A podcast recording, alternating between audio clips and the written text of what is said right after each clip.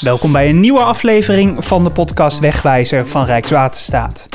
Mijn naam is Jeffrey en voor mij zit mijn collega Iskander. Als je regelmatig over de snelweg rijdt, dan is het je vast wel eens opgevallen. Hoge palen langs de snelweg met daarop een camera. Op sommige plekken staan ze wel om de 200 meter. Maar waarom staan ze hier? We zoeken het uit in deze aflevering. En we kunnen alvast verklappen, niet iedere camera die je ziet is een flitspaal of onderdeel van een trekcontrole. We bezoeken al de eerste verkeerscentrale in Utrecht. Hier zijn de camera's namelijk onmisbaar. Verkeerscentrale met Dennis, goedemiddag. Hi. Hi, goedemiddag. Ja, een ongevalletje. A2 rechts, 73.1. Oké, eh, staan ze op de vluchtstrook? Ja, nee, ik pak de camera's er gelijk even bij om, eh, om te kijken hoe ze erbij staan. Dankjewel. Oké. Mijn eh, naam is Dennis en ik ben wegverkeersleider en ik hou de snelwegen rondom Utrecht eh, in de gaten. Zojuist kreeg ik een, eh, een melding binnen van de infolijn van Rijkswaterstaat dat er een ongeval gebeurd zou zijn op de A2 rechts 73.1. Ehm, ik heb gelijk de camera's er even bijgepakt om te kijken hoe, hoe ze erbij staan. Ze staan keurig op, op de vluchtstrook beide.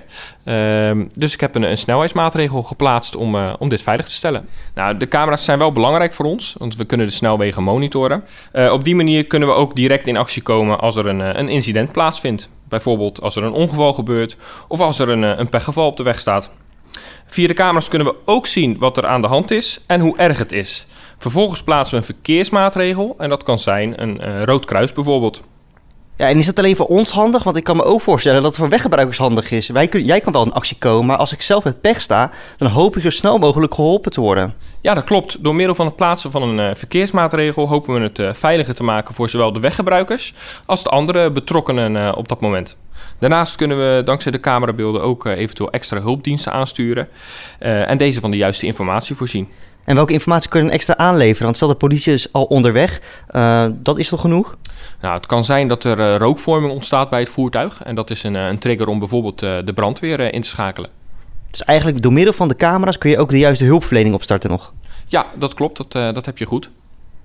Ja, en is dat het? Want je zegt, ik kom alleen in actie met de camera's als er een pechgeval of ongeval staat. Eh, maar doe je ook nog andere dingetjes ermee? Ja, we doen uiteraard ook eh, andere dingen.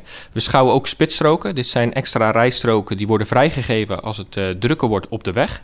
En voordat we deze rijstroken kunnen vrijgeven, moeten we er natuurlijk wel zeker van zijn dat er niks op de weg staat of ligt. En dat kan zijn een voorwerp, maar ook een pechgeval wat op dat moment op die spitsstrook staat. En nu zie ik tientallen camerabeelden om me heen. Betekent het ook, Dennis, dat er overal in Nederland langs elke snelweg een camera staat? In de omgeving van Utrecht hebben we inderdaad op alle snelwegen camera's. Eh, ook op andere drukke trajecten vind je deze camera's terug, bijvoorbeeld in de regio Amsterdam, Rotterdam en Den Haag.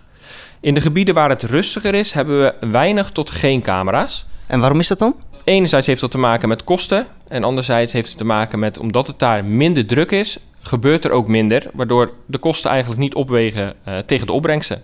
Zoals je al hoorde zijn de camera's voor Rijkswaterstaat erg belangrijk.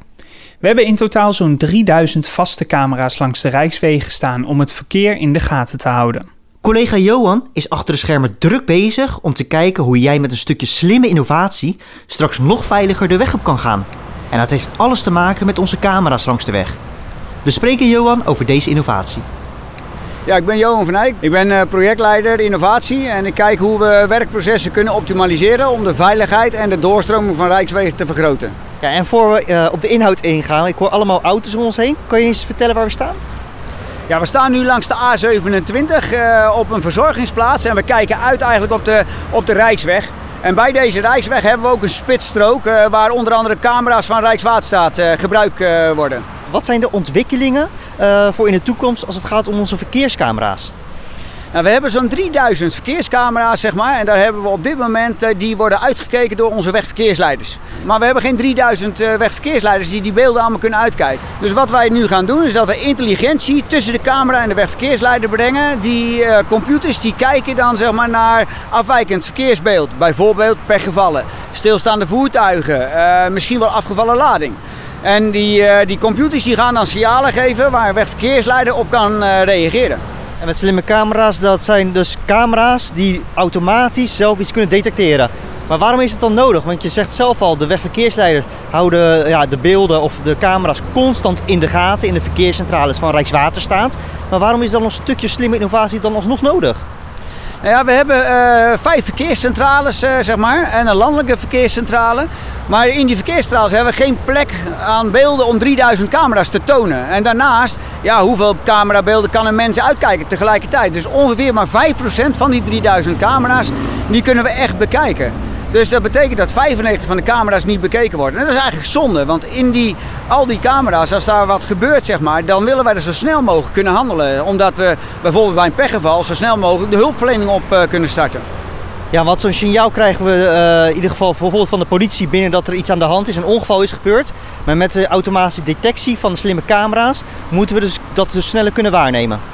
Ja, als je namelijk gaat kijken van als er iemand met pech uh, komt, dan stapt hij eerst vaak uit. hij zoekt een plek uh, waar hij gaat staan, gaat bijvoorbeeld de politie bellen. De politie belt Rijkswaterstaat, daar, daar zijn al minuten voorbij.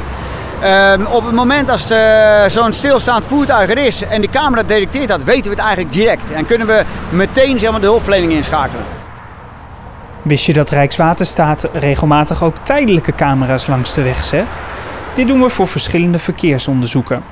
Op Twitter krijgen we hier wel eens vragen over, want plotseling zie je een camera staan die er de dag ervoor niet stond. We gaan langs bij collega Margriet.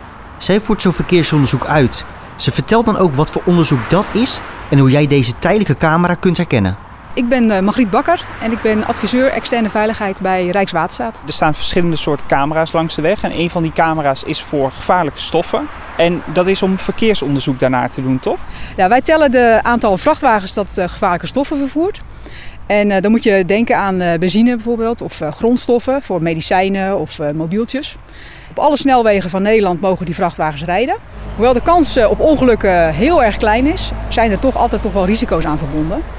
En daarom is er een wet ontwikkeld en daar staat in wat de maximale risico's mogen zijn. Daar waar het risico hoog is, mogen er bijvoorbeeld geen woningen of ziekenhuizen dicht langs de snelweg komen staan. Om dat risico te beheersen voeren wij een monitoring uit. Daarvoor moeten we dus weten hoeveel transporten met gevaarlijke stoffen er werkelijk hebben plaatsgevonden. En daarvoor gebruiken we die uh, tijdelijke camera's. Ja, en uh, hoe weet je dan überhaupt of een vrachtwagen gevaarlijke stoffen vervoert? Uh, die vrachtwagens die hebben aan de voor- en de achterkant een oranje bordje. En er staan nummers op. En elk nummer is, staat voor een bepaalde stof. En er staan ook gewoon vaste camera's langs de snelweg. Hè? De, de incidentcamera's die in de verkeerscentrales gebruikt worden. Ja, kunnen die niet gewoon gebruikt worden om die vrachtwagens te tellen? Ja, dat zijn we wel aan het onderzoeken op dit moment. het lastige is alleen dat, dat die incidentmanagementcamera's, zo heten ze dan, die hebben andere software. En die kunnen nog niet die oranje bordjes herkennen. Daarnaast gebruiken die, de wegverkeersleiders die gebruiken die camera's om 24-7 de snelwegen in de gaten te houden. Dat als er bijvoorbeeld een incident is, dan draaien ze die camera's en ja, dan kunnen wij niet meer tellen.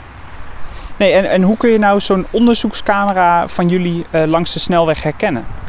Uh, nou, wij gebruiken mobiele camera's. Die staan altijd achter de vangrail. En uh, dat is een, een kastje met groene strepen. En er zit een lange paal op. Op die paal zitten dan twee of meer camera's. ja, heel vaak denken mensen dat het een flitspaal is, maar dat is het dus niet. Nee, dus het kan zijn dat er een camera langs de weg staat die eigenlijk helemaal niet uh, van de politie is. Dat klopt, ja. We zijn bijna aan het einde gekomen van deze aflevering van de podcast Wegwijzer. Maar niet voordat we nog even teruggaan naar wegverkeersleider Dennis. Want Iskander, je hebt nog een leuke vraag voor hem. Nou, stel dat we nergens in het land camera's hebben, dus ook niet uh, hier in Utrecht waar jij uh, het verkeer monitort. Wat zou er dan voor jouw werk veranderen en voor mensen buiten die op de weg rijden? Nou, uh, om te beginnen wordt mijn werk wel iets minder leuk. En daarnaast uh, kunnen we minder snel en effectief handelen als er een incident plaatsvindt op de snelweg. Um, hierdoor wordt het voor weggebruikers en hulpverleners die daar ter plaatse zijn uh, een stuk gevaarlijker. En dat willen we juist uh, voorkomen. Dit was de aflevering over verkeerscamera's. We hopen dat je een stukje wijzer op pad gaat. En ben je benieuwd naar onze andere afleveringen? Ga dan naar onze site rwsverkeersinfo.nl en klik in het menu op podcast. En heb je na deze aflevering nog vragen? Stuur dan een tweet naar Verkeersinfo of bel de landelijke informatielijn van Rijkswaterstaat op 0800 8002.